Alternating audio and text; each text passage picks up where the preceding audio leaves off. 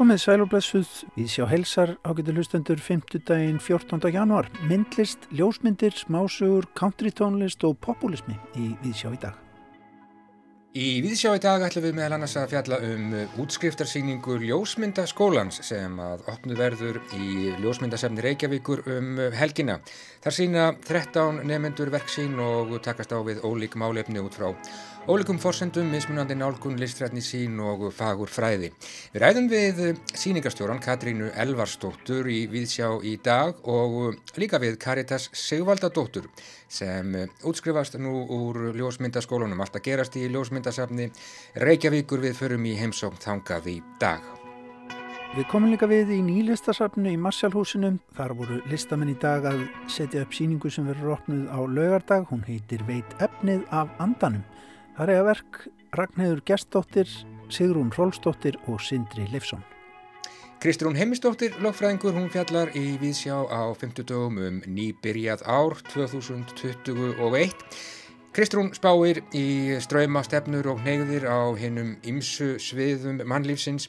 Í dag talar Kristrún um populisma að gefnu tilipni og spyr meðal annars hvaðan hann kom og hvernig hann fer með líðræðið og þjóðfélagin. Og Greta Sigriður Einarstóttir fjallar í dag um smásögur, countrytónlist og ánæguna sem fælst í því að skipta um skoðun. Það er allt í lægi að skipta um skoðun, segir Greta, meira um það síðar í þættinum. En fyrst Kristrún Heimistóttir árið 2021 og populismin. Góður hlustendur, í sumar sem leið fekk ég bref frá bandariskum lagaprofessor sem inni helt stutt og skýr skilabóð til mín. Hann óskaði mér innilega til hamingju með að búa á Íslandi sem hann dáði stað sem vel reknu fjölhæfi þjóðfélagi sem virti manngildi og skipaði því hæst ofar peningum. Þar sem stjórnmálafólk notaði skinnsemi og vildi vel og baráttan við COVID-19 byggði á sterkum vísindarlegum grunni. Ég var auðvitað nógu vel læs á undirtekstani þessum hamingjóskum til að sjá greinilega að undirtekstin var óanæja með eigin stjórnvöld og stöðu bandaríkjana í COVID-baráttunni. Þetta var ekki síður skjensum eigið land en hrós um mitt. En ég rifjaði þetta upp hér og nú vegna þess að ég hef svo oft hugsað þetta sama og þakkað fyrir að vera Íslandingur og búa hér.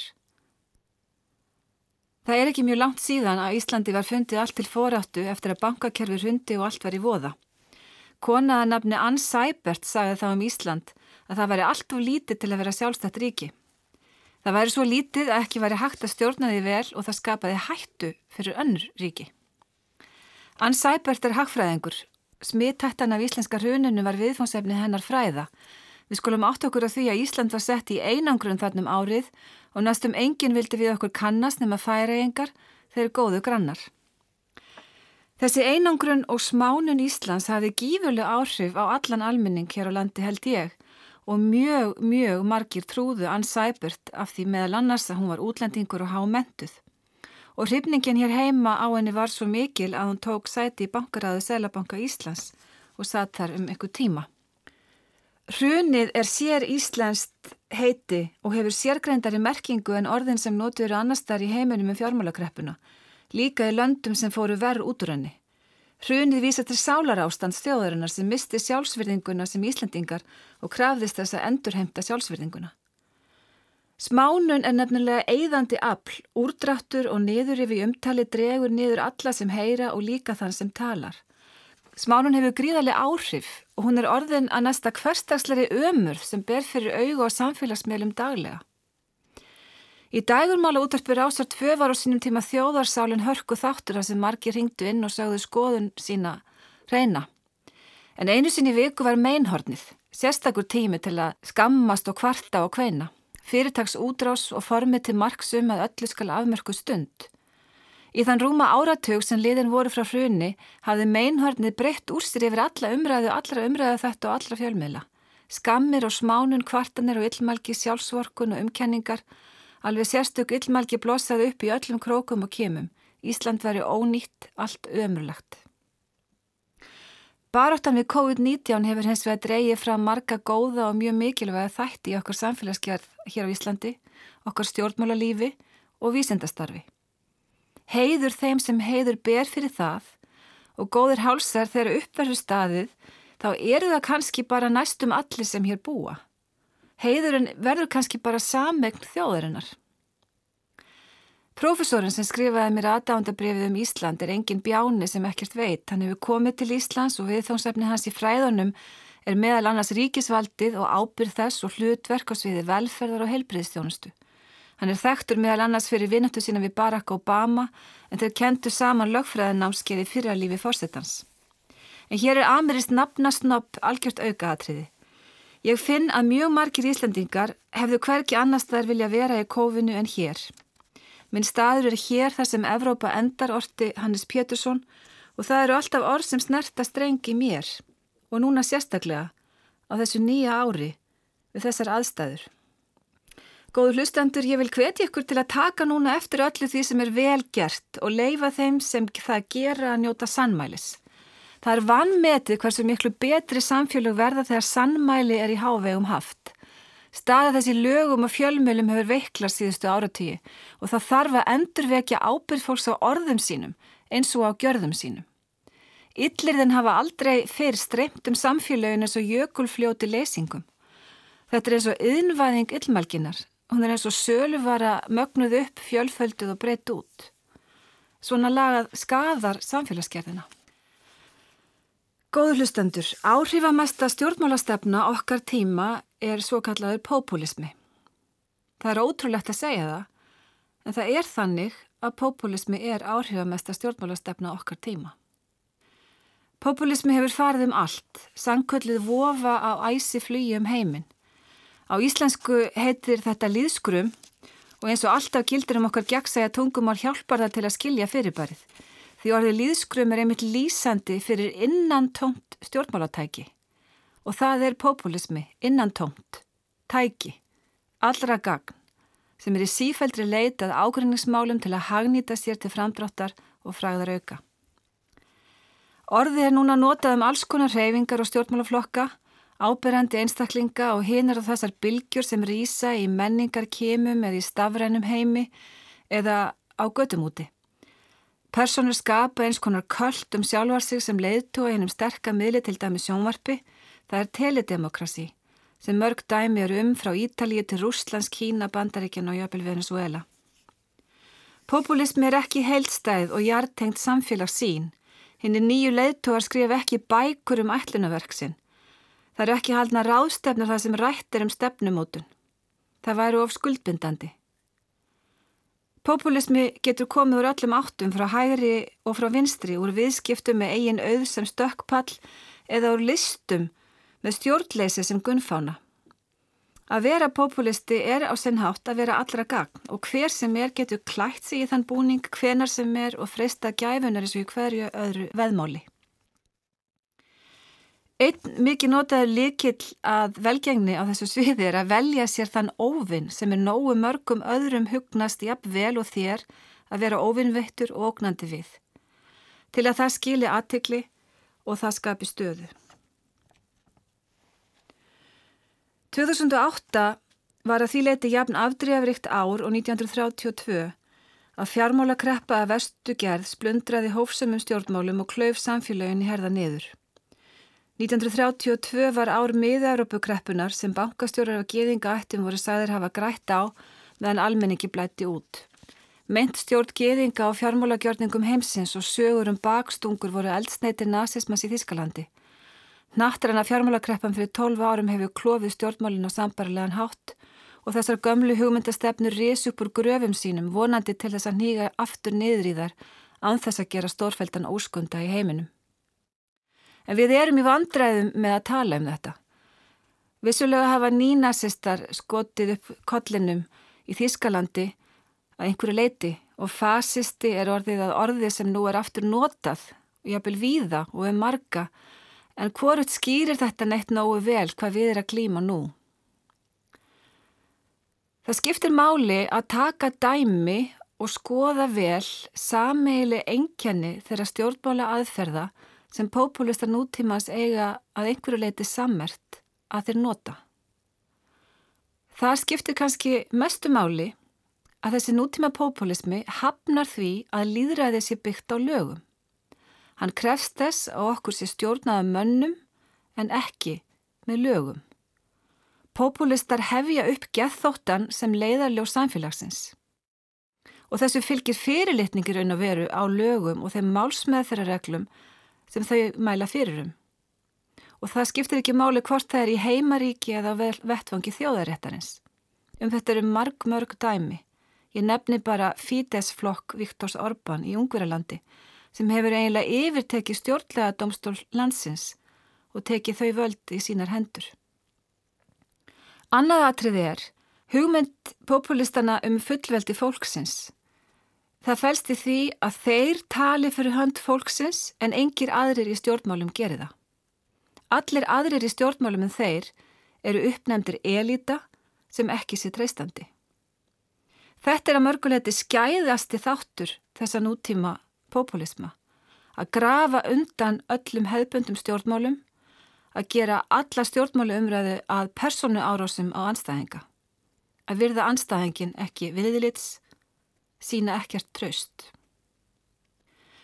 Í þriðalagi þá er það raun og veru algjör afneitun og höfnun fulltrúalýðræðis. Og í stað þess að líta svo á að framlega þeirra til stjórnmála sé að segja hvernig þeir vilja taka þátt í að stjórna ríkinu, að halda uppi velferðarþjónustunni, helbriðistjónustunni og svo framvegis. Þá leika þeir engla á götum úti sem styðja eldri konur og fara út í búð fyrir þær og leysa svona vendamál daglegs lífs og fá þær þannig til þess að styðja sig í stjórnmálum og skráðar í flokkana. Baráttan við COVID-19 gengi aldrei án virðinga fyrir lögum og vandarar beitingar sóttvarnar úrraða, sannmæli sem staðrendir og vandarar upplýsingagjafar í kvívetna og frjálsrar umræðu á köplum reyðiblandinni. Sóttvarnir eru mikilvægastu stjórnmál síðasta árs og þessa árs, þess vegna eiga þau að breyta stjórnmálunum almennt. Hér á Íslandi hefur populismi verið lungskar en viða annar staðar, en hann er samt mikilvirkur í yfirtöku þjóðfélagsumræðunar. Sífældur ábyrður að heita má á alla íslenska kjörnafulltrúa um mannvonsku spillingu, illgerni, vanhæfn og svo framvegis er aðal tæki populistana hvað sem er. Það að gera kjörnafulltrúa að óvinnum fólksins. Í ymsum löndum hefur þeim tekist þannig að gera vísendamennina í baróttunum við COVID-19 og óvinnum fólksins. Þannig er það ekki á Íslandi sem betur fer og við eigum að losa okkur við limskuluðan populista áróður um ónýtt íslensk stjórnmál og virða í þess stað sannmæli um málið. Populismin nærist á ýmsu, þar á meðal pólitiskum réttrúnaði. Sjálfsmyndar stjórnmál þar sem fólk lokar sig inni í bergmálsherbyrgi með líka döðu stjórnmálana. Það er hrikaleg staðrind að barnungir miljardamæringar, forstjórar samfélagsmiðla fyrirtækja kveiki og slökku á valdamesta manni heims, þeim sem er handhafi kjarnorkutakkans. Líðræðið með lögum er það sem við búum við á Íslandi, það sem við getum verið þakklátt fyrir að búa við og það sem við skulum verja. Andstæðunar eru miklar í þeim fréttum sem við búum við þessa dagana. Farsóttin geysar skæðar en okkur sinni, víða um lönd, en bóluefnin líka byrjuð að uppfylla sitt hlutverk. Tilverjan reynir að finna jafnvægi millir vonar og óta, en ástandi er skrítið og uppnámið skamt undan. Við erum þess að bara menn en ekki guðir, við gerum okkar besta en stjórnum ekki heiminum í kringum okkur. Við vitum það og veljum að leggja gott á mörgum. Já, Kristrún Heimistóttir og populismin ástandið er skrítið og uppnámið skamt undan, sagði Kristrún, sem hugsaður um nýbyrjað ár 2021 hér í Víðsjá á 50 dögum í janúar og við heyrum aftur í henni að viku liðinni. En þá Ágættu hlustundur skulum við bregða okkur sem snöggvast niður í bæ.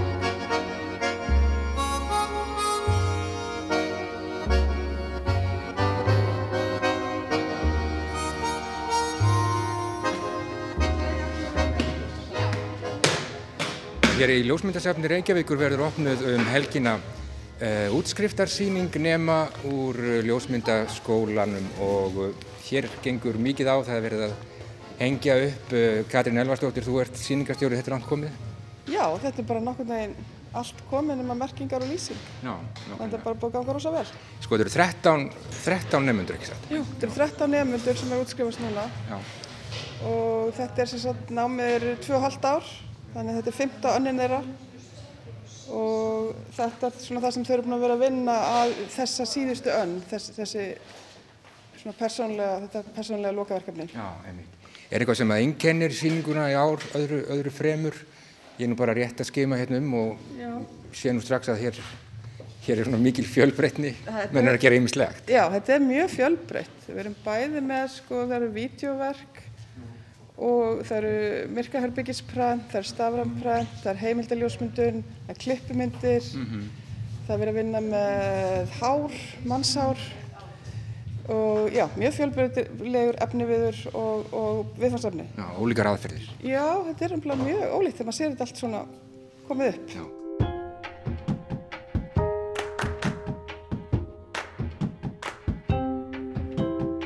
Kaja, hæ. Hæ. Eiríkur, þú áttu verk hérna. Já, ég á verk hérna. Já, algjörlega, það er hérna. Já.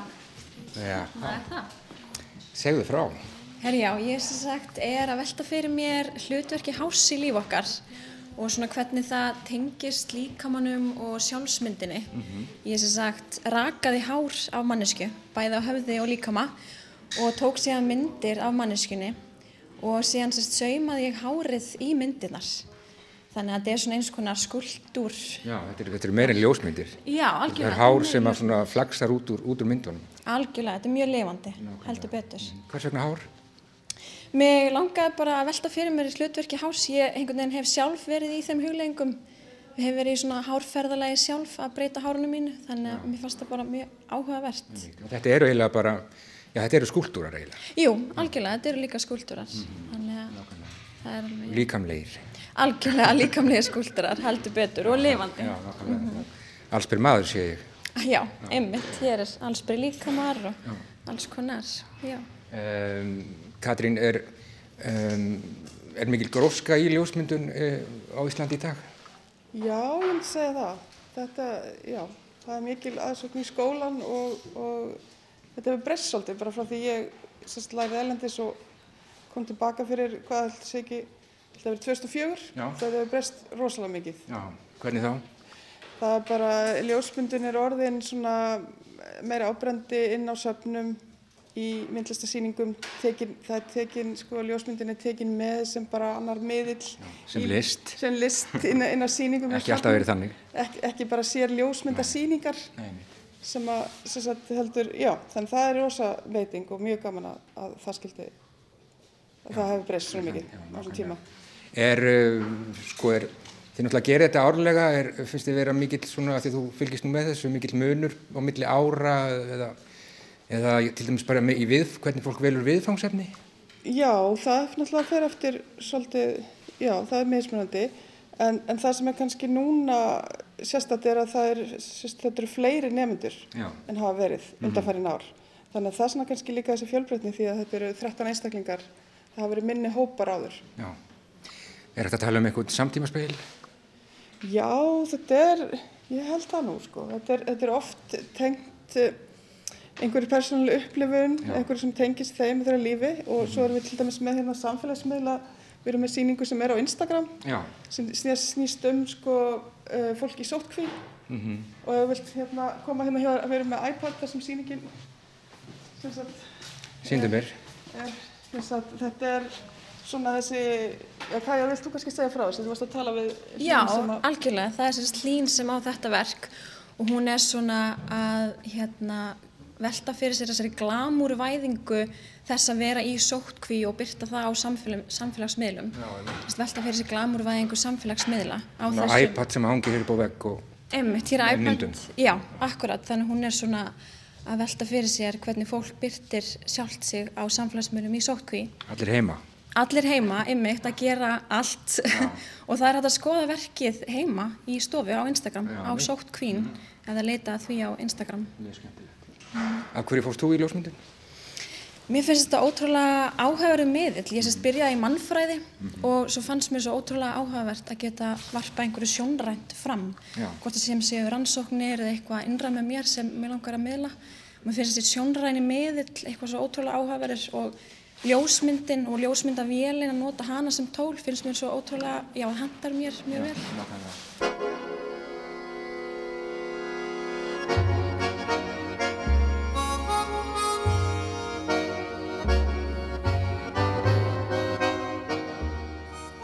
Katrín, hvernig, hvernig læri maður að verða góður ljósmyndari? Já, hefur. ég held að sé sem sagt bæði það að, að, að skoða myndir, skoða söguna mm -hmm. og vita svona já, upprunan og, og það allt saman og svo sem sagt eh, bara er ekki æfingi skapa mestaran. Jú, þið er náttúrulega kennið svona, ég gerir ráð fyrir bara listasögu og, og fagurfræði. Já, við gerum það og þessum að heimsbyggi líka og, og e, þetta er eiginlega sko mjög fjölbreytt nám. Sagt, eh, ekki, þetta er ekki, þó að þetta sé sérst fókusað á sko, einn ljósmyndamiðilinn, mm -hmm. þá mhm kemur alltaf svo rosalega margt inn í líka því við erum svo marga kennara, ólíka kennara. Já, Þannig að þau hitt að kynnast rosalega miklum bara ólíkum bæði listamönnum og fræðimönnum á þessu tveggja hálsars tímabili. Já. Það er nú alltaf gerast hérna núna í ljósmyndasafni Reykjavíkur fjöldi manns með, með ryggsugur og hamar og nagla að hengja upp. Ertu ánað með afraksturinn í ár, Katrín? Já, mér finnst þetta að koma rosalega vel út. Þetta er líka fyrsta skipti sem við erum hérna í ljósmyndasannu Reykjavíkur. Já. Og þá eru það komin inn í alvöru sapn umhverfi og þetta er náttúrulega mikil reynsla fyrir þau að, að kynast. Það hefur verið út á Nesi, það hefur verið út á Nesi og það hefur verið út á Granda Já. í svona kannski hráum húsnaði eða, eða yðnaðar húsnaði sem við hefum fyrst að breyta og vinna með.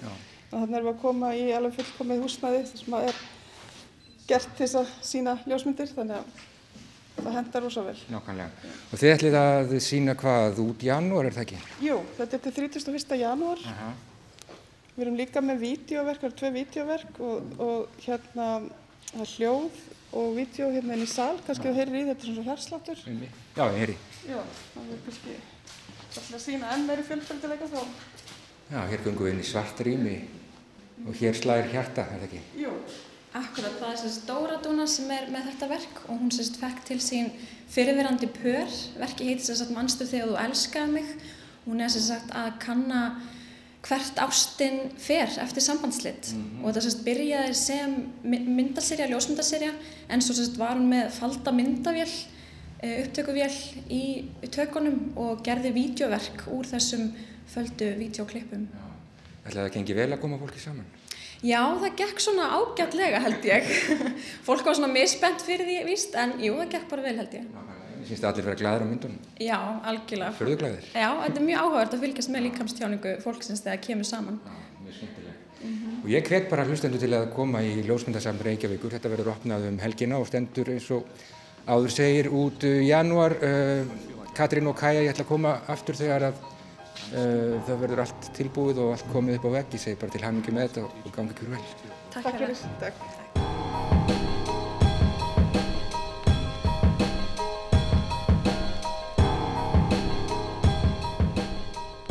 Já, einir tónar frá bandaríska tónlistamannunum DJ Shadow af plutunni Introducing frá árinu 1990 og 6 Katrin Elvarsdóttir, síningarstjóri og Caritas Sigvaldadóttir, ljósmyndari, útskriftarsýning Ljósmyndaskólan sopnuð í Ljósmyndasafni Reykjavíkur um helgina. Allt að gerast í safninu í dag, undirbúningur í fullum gangi, allt komið nema merkingar og lýsing mjög fjölbreytt og áhugaverð síning sem óhætti er að hvetja hlustendur til að skoða. En næst á mælendaskrá hér í Víðsjá á fymtudegi er Greta Sigurýður Einarstóttir. Hún er að hugsa um smásögur, country tónlist og raunar sitt hvað fleira. Eitt það besta sem ég geri er að skipta um skoðun. Staðfesta og áreðanleiki eru góður að gjalda verð og það er mikilvægt að hafa gildi sem maður lifir eftir, siðferðis kompás sem vísar alltaf í norður. En það er ekki það sama á að halda fast í skoðanir. Skoðanir breytast eftir því sem maður kynnist nýjum upplýsingum og hugmyndum annara. Við neytum þeirra í samræðum, bókum og þjóðfélagsumræðu og þegar vel tekst til verða hugmyndir sem við tilengurum okkur að nýjum skoðunum. Of mikið af ágreiningi og skoðana árakstrum er þreytandi. Stanslöst niðurif án þess að fá tóm til að móta nýjar hugsanir er ekki bara slítandi, heldur enn líklæra til að festa fyrri skoðun í sessi, jafnvel þó þær stangist á við nýjar upplýsingar. Það er fín lína á milli þess að hafa sterkar skoðanir og að súrna í eigin töði. Likillinn að því að öðlast ánæguna að því að skipta um skoðun er að vera órög við að segja hvað þér finnst en líka opinn fyrir möguleikanum á því að þú gætir haft rangt fyrir þér. Þegar kemur að menningu og listum hef ég sterkar skoðanir. Einu sinni held ég að ég þyldi ekki smásögur. Það var ímislegt sem rendi stóðum undir þá skoðun mína. Aðalega það að yfirleitt er ég reyndi að lesa þær, döður litist mér.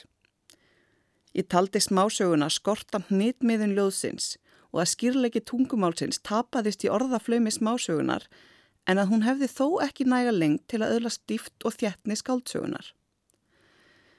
Ég var á þeirri skoðun að smásaga væri hálfgert miðjumóð, stílæfingar ungra skálda sem hefði ekki enn á það festa hugan nógu lengi við skáldsögu. Ef smásaga er góð finnst mér ég svikin af því að hún er ekki lengri, hugsaði ég. Ef hún er ekki góð, nú þá sannar það bara málmitt. Ég gerði nokkra tilraunir, las másögur eftir annálaða meistara formsins, íslenska sem erlenda, konur og karla, klassiska höfunda og nýjar stjörnur. Ég las karver og girði og dal og helle og styrtist sífælt í trúni, eða réttar sagt vantrúni á heilt bókmyndaform. Ég man ekki nákvæmlega hvað það var sem fjekk mig til að skipta um skoðun. Kanski voru það samræðir við vini, rifrildi við aðra bókmyndafræðinema, eða minningum smásögu eftir Ástu Siguradóttur sem ég las í grunnskóla. Kanski var það viðtalvið sem ég tók við Silju Adalsteinsdóttur þegar Alice Munro fekk Nobelsvelunin eða hreinlega hrókin fólkin í því að slá heilt form út af læginu. Hvað sem því líður þá átta ég mig á því hvað það getur verið gaman að lesa smásögur. Hvað léttlegi formsins getur left höfundum að leika lausum taumi og hvað það þarf stundum lítið til að skapa hughrifið lestur. Skoðanir fólks eru jafn margvíslegar á mannfólkið. Í samfélagi þar sem allir hafa rödd og vettvang til að koma henni á framfæri getur fugglabjargið orðið ansi hávert. Oft er rætt um skautun samfélagsins og bergmálsklefa þar sem viðtekna skoðanir magnast upp og verða að lögmálum. Í 280 stafabilum á Twitter er ekkert pláss fyrir Eva. Þú hefur ástæður fyrir þinni skoðun og þú átt rétt á henni. Það er okkur eðlislegt að verja skoðanir okkar. Við viljum geta staðið með orðum okkar og það er óhugnarlega tilhugsun að þurfa að geta ofan í okkur þar sem við segjum síðar. En líkunar á að þú komist alltaf að réttir niðurstöðu eru hverfandi. Við ættum að fagna því að geta reitt okkur á þjóðfélagsumræðu, samræður, bækur og menningu til að íta við okkur, trubla ríkjandi hugsanir, leipa evasemdum að og bara almennt hrista upp í okkur.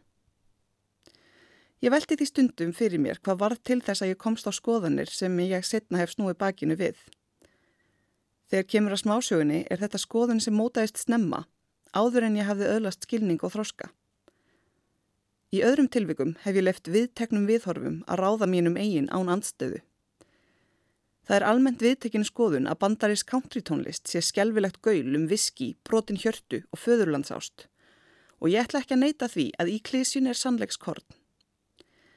En þegar ég kynntist sjögu tónlistastefnunar betur, heitlaðist ég af innlegninni, sagnaarfinum og stemmingunni. Ég er opinn fyrir því að heyra aðra skoðanir, en ekki fyrir en viðkomandi hefur hlustað að minnstakosti tíu sinnum á Blue Eyes Crying in the Rain með Willi Nelson. Það er ákveðin ósigur að neyðast til að skipta um skoðun. Ögnaráðið sem maður fær yfirleitt þegar maður segist vera hrifin af country er heldur ekki fyrir veiklundaða að þóla. Skoðanir eru eitt að helsta sem skiptir fólki í lið. Við að móti hinnum, við sem vitum betur að móti vittleysingunum sem halda hitt. En það skiptir engin um skoðun án þess að fá aurun. Þú skiptir um skoðun af því að þú færð nýjar upplýsingar sem stangast á við þína fyrri veraldar sín. Það getur verið sársöki fólkin í því að skipta um skoðun. Því í eðli þess er fólkið að viðurkenna að þú hafir haft rangt fyrir þér fram á því. Stundum getur tekið á að hveðja fullvisuna sem fylgdi mann sjálfströsti og samkend með öðrum.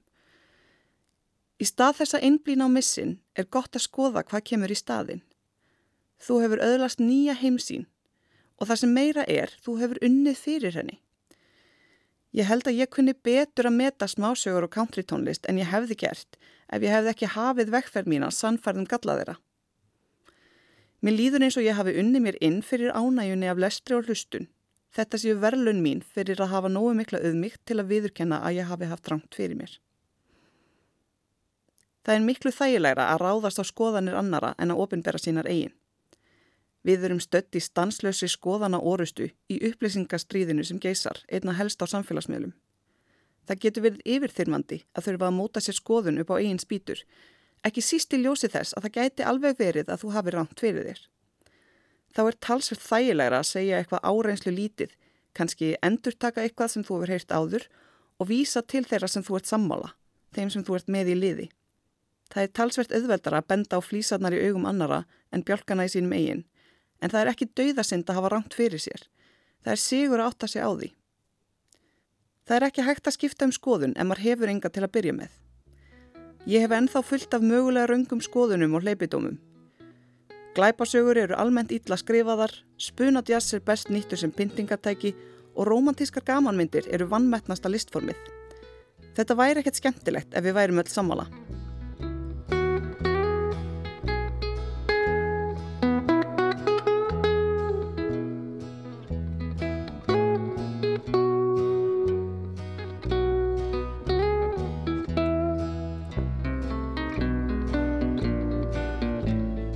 Someday when we meet up yonder, we'll stroll hand in hand again. In a land that knows no parting, blue eyes crying in the rain.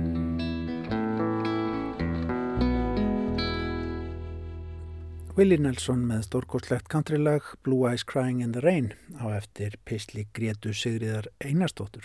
Þá leikur leiðin út á Granda. Við erum á leiðin upp stígan í Marshallhúsinu, ætlum í heimsókn á nýlistasafnið. Þar verður opnuð á laugadag, síning sem var mun standa næstu vikunar og heitir Veit andin af efninu. Það er alltaf sína verk sín Sigrun Rólsdóttir, Sindri Leifsson og Ragnheiður Gerstsdóttir. Við ætlum að spjalla hans við þau. Góðan daginn, sæl og blessuð.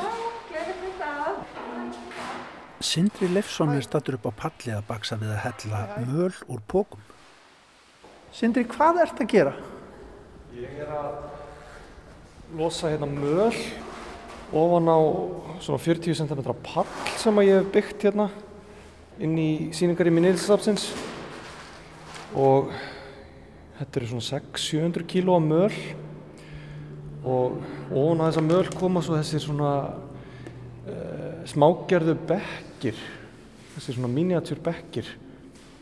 Ég er svolítið hef orðið undir áhrifum frá landfyllingu sem að er búið að reysa hérna á löganestanga og þetta er svona í smækkuðum skala svo landfylling sem að hérna varð til þegar að það komu einhverju 250 eða 300.000 rúmmetrar af, af efni upp úr grunni nýja landsbytalans og hérna það er svona malareitur já þannig að ég er að hérna ég er að smíða svona vissa útgáfa af, af þessar landfyllingu hérna.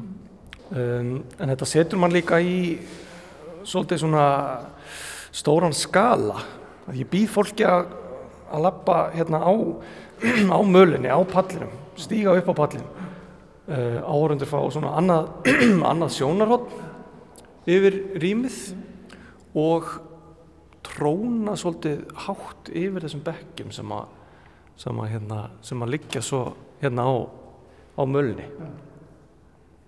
Sko, veit efnið að andanum þegar að spyrja því? Veit efnið að andanum hérna hjá þér? Hvernig, hver, veist þú af andanum? er þetta ekki alltaf eitthvað ákveðin leit? Það er svona, hérna, maður reynir að einhvern veginn að, byrja á báðum pólum og, og finnur einhverja miðju og það er þar sem að verkin verða til. Ekki að opna annan póka? Já. Það kemur svona þessi, hérna, þessi skemmtilega áferð. Það fær svona skinja svolítið með fótunum mm. undir, undir skóna.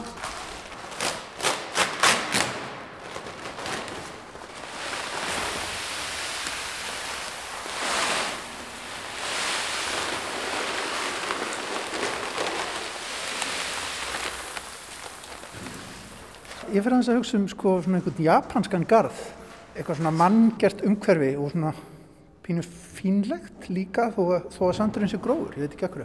Já, algjörlega. Ég, hérna, ég held að ég hafi uh, komist svolítið í þá tilfinningu líka og þá hugsun svona þegar ég var að, að raka mölinni svona jæmt yfir gardin, það var akkurat þessi svona, þessi svona hérna sengarður uh, bútismanns sem var hérna, sem einhvern veginn kemur, kemur upp sko og hérna, en á sama tíma þá er þetta hindrun hérna í rýminu. Maður kemst í raun og er ekki mjög auðveldlega leiðar sinnar hérna inn í þessu hodni án þess að, án þess að stíga upp. Ég vona að uh, uppljómunin, uppljómun sem gardarins nái að hérna, skína í gegn. Sko. Hvað verður með meira hérna sjálfur? Svo er ég með hérna þetta Parísarhjól sem er hérna í hodninu. Helviti mikið hjól. Það er byggt úr stáli, er með mótor. Að kveikja hérna á því. Þannig að þú, það heyrist náttúrulega ekki mikið í því en, en þú sérð sem sagt svona hægar hreyfingu Já, þetta er bara ekta barsahjól með, með þessum svona þessari sveiblu á, á einhvers konar þar sem við erum með sæti í venlu barsahjóli, ekki satt? Akkurat, svona hillur, það eru fjórar hillur sem að hérna svona sveiblast með í lóði. Um, og þar á ég eftir að koma fyrir um, svona hólum af salti sem að ég hef verið að búa til sjálfur um, með að sjóða, sjóða upp sjó sem að kemur frá sama stað og, og landfyllingin sem sagt úr sjónum þar. Ég hef verið að sjóða upp uh, 20 lítra af sjó búið til salt sem að kemur svona hérna á þessar einskonar vogarskálar. Mm -hmm. Hvernig er að vera saltgerðan aður? Það er bara ótrúlega áhugavert. Mér finnst það mjög Hérna, svona skemmtilegt að geta nýtt sér uh, bara það sem að er fyrir framamann mm. til þess að búa til eitthvað sem er ja, svona almennt aðgengilegt eins og salt en salt hefur náttúrulega gengið í gegnum mjög miklar svona raunir undanfærin hundrað ár mm -hmm. í markasvirði til dæmis og, og hérna upp úr svona 1910-20 kannski sem að sem að, hérna, sem að salt svona hríðfellur í verði og verður miklu aðgengilegra heldur en mm. og verður svona eitthvað sem að maður nánast kannski spáur ekki í Nei. þetta er svona eitthvað sem er aðgengilegt bara alls staðar. Á þessu náttúrulega stórmerkilega sögu gegnum bara mangi sögun alla þetta. Já, akkurat mm. og hérna og svo verður þetta komin að stað mjög skemmtilega og mikil salt framleiðsla á Íslandi núna aftur mm. sem að maður hefur aðeins fyrst með líka -hmm þannig að svona, það sem yðnaður líka finnst mér, finnst mér spennandi sko. Takk fyrir spjallið. Takk fyrir. Myndlistamennir þrýr eru að dreifa verkum sínum um salin í nýlistasafninu. Ég tröfla Sigrúnur Rólfsdóttur næst og spyr út í verk hannar. Það eru málverk og teikningar, bæði, málverk bæði með ólíu og vasslitum og svo er ég líka með að sína hérna verk sem eru þá meira rýmis verk. Og hérna einst í rýminu þar er ég að til dæmis að vinna með hæðina á rýminu sem er svo fallega hérna í safnunu og setti upp svona frekar einfalt tryggs sem að breytir samt alveg heiminum. Já. sem er svona litu filma. Já. og svo svona ofbáslega þunn himna og núna er sko ryggning og ský þannig að þá er verkið ekki alveg eins eins og þegar það er sól sko. En það, þannig að ég er í rauninni líka bara að vinna með sólinni. Einmitt. en hún er baka skíin í dag. Hún er ágætt samstarfsfélagi. En sko þeir eru með þessa rosalega heimsbyggilegu spurningu sem yfirskrift síningarinnar veit andin af efninu. Já. Hvað finnst þér? Þarf að kemur á myndlistinni Veit hann af efninu? Ég, ég veit ekki alveg hvort hann veit nefnilega nógu vel af efninu. Eða hann er með kannski líka bara eila kannski alveg sama. En, uh, en efnið er auðvitað alltaf að flækjast fyrir andanum og þetta er sko, við erum að snúa við þessari spurningu. Hún er náttúrulega, uh, henni hefur verið varpað fram uh, veit efnið af andanum og, og það er auðvitað já, mjög áhugavert að að skoða það frá þe þeirri hlið en líka frá þessari hlið. Og þetta er náttúrulega bara mjög gömul spurning sem að allir eru alltaf að spyrja en enginn getur nokkuð tíma svarað. Aðferðafræði myndlistarinnar er svo opinn þannig að það er hægt að nálgast spurninguna á annan hátt heldur en ef maður er mögulega kannski fræðimaður eða og það er hægt að vera með kannski leika sér meira með þetta og kannski gefi myndlistin manni tækifæri til þess að skoða spurninguna út frá öðrum sjónarhórnum og gegnum auðvitað efni sjálft mm. sem að er likil atriði sem að myndlistin hefur yfir að ráða. Mm. Það er þessi vinna með efni, hvernig þau vinna saman og, og orka á okkur og okkar anda mm. sem er auðvitað okkar meðutund og meðutund áhorfandans sem kemur og, og verður fyrir áhrifum af verkinu sem er bútulur efni mm. og anda sjálfsögðu. Þetta er alltaf snúið. En þið þrjú, Ragnhildur og Sindri og þú, segir hún, uh, komið saman á þessar síningu. Menna, er, er, þetta, er þetta samantekin ráð? Leggið upp þetta konsept saman og, og komið að því saman eða, eða eru þið eiginlega að hittast óvart inn í, inn í konseptinu eða hvað? Já, okkur var í rauninni stemt saman af stjórn nýlistasapsins.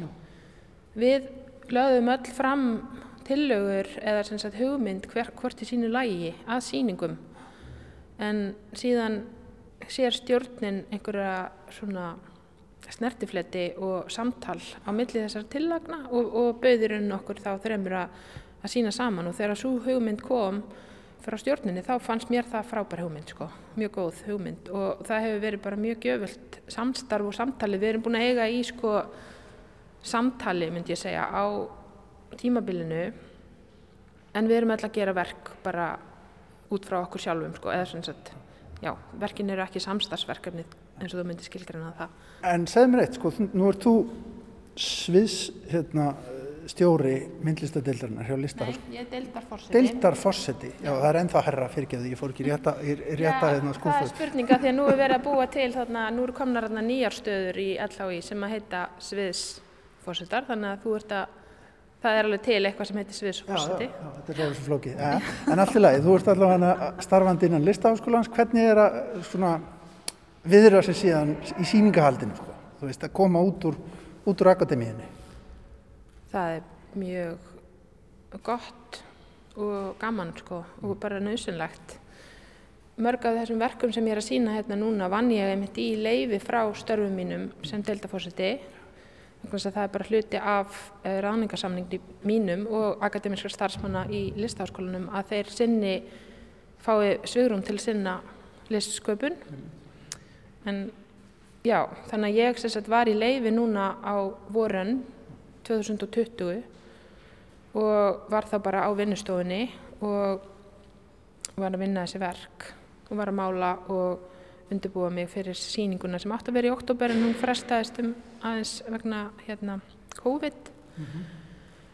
en sko upplegið í rauninni mitt í tillögunni sem ég var að segja frá áðan var einmitt sko svolítið þessi óvæntu öll sem að hafa áhrif á lífið. Og þá kom einmitt þetta rosalega óvænta öll inn í líf okkar allra. Það var eiginlega doldið svona pingu óþægilegt. Af því að ég var búin að vera eitthvað neina að skoða svo mikið svona óvænt öll og svo bara byrtist þetta stóra óvænta afl sem var þessi veira. Sem er einmitt svona akkurat á svona þessari línu náttúrulega með, með sem að hérna, við erum held í öll svolítið að fast við sko, sem er þú veist einmitt hvernig náttúrann mætir okkur og öll í hugmyndafræðinni og fólk heldur að það sé kannski að stýra einhverju en það er í rauninni á valdi einhvers sem að það hefur enga stjórn á sko. Hvort þegar maður ætlar að streytast á móti eða vinna með eða hvað maður gerir og, og bara, en líka bara þegar maður einhvern veginn verður meira meðvitaður um allir þessu öll að þá held ég að það sko létti manni lífið. Ragnhildur Gerstóttir er að fara að hengja upp gamlar ljósmyndir sem hún hefur meðhöndlað með sínum hætti. Á þeim eru einhverjir sem eru líklega lönguleginir en það er bakgrunnurinn sem að skiptir hana meira máli. Ragnæður, áttu ekki þetta hér? Jú. Eru þetta forfæðurðinir nokkuð? Nei. Ekki sem ég viti til, nei, þetta eru ljósmyndir sem að um, hvenn ljósmyndar, ég segi hvenna því það er ekki svo margar, þannig ég tek það sérstaklega fram í sögun okkar sem að hétt Hansina Björstóttir tók á teigarhorn í Berufyrði upp á 1900 og þetta byrjaði eiginlega sem svona svolítið rannsókn á baktjöldum af því ég hef svo mikið áhuga á hvernig við tengjum okkur við siðmenninguna Já. og hvernig það hefur alltaf einhvern veginn verið til staðar þannig að ég fór að skoða í ljósmyndasafni Íslands og Reykjavíkur svona þessar fyrstu ljósmyndir sem eru teknar, þessi uppsettu portrætt mm. og fyrir framann hvað og þá eru hérna þetta mótíf alltaf að byrtast aftur og aftur stöpullin og eitthvað svona sem representerar eitthvað svona heldri manna heimil, eitthvað aðeins merkilegra en það sem er, eitthvað sem þarf að hilja.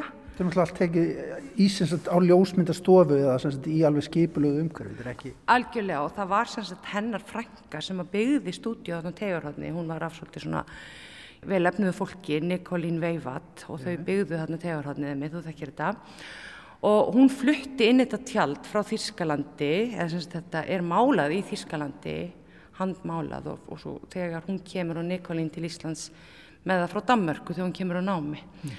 Og þetta er allt saman uppsett og ég dætti eða niður og svo bara halda mig við þessar konur vegna þess að það var svo áhugavert að svo er þetta það tjald sem hefur varðveist og það hafa kannski þrjú, fjögur tjald varðveist og þetta er eitt þeirra og allar græjurnar þeirra hafa varðveist og mm. verður haldið svo vel utanum þær og það er tjaldi sjálft er í fastasýning upp í þjóminnesafni mm. á svona myndavilinu og einhverju og hérna, já, ég var svona spá í þetta hvernig, þú veist, þannig er, eru Íslandingar á þessum tíma, þú veist, einhvers staðar á östfjörðum svona fínir og flottir búin að veist, það setja sig fyrir framanns og þetta heimili sem að var náttúrulega bara ekki til á Íslanda á þessum tíma Frábær þessi litli drengur hérna í svona matrásafötum sem heldur í heldur í fínan stól sem er búið að stilla upp og svo þetta svona laufskrúð í bakgrunnum á bakgrunnum Já, einmitt, ekki, ekki kannski beint íslensku veruleiki þess tíma.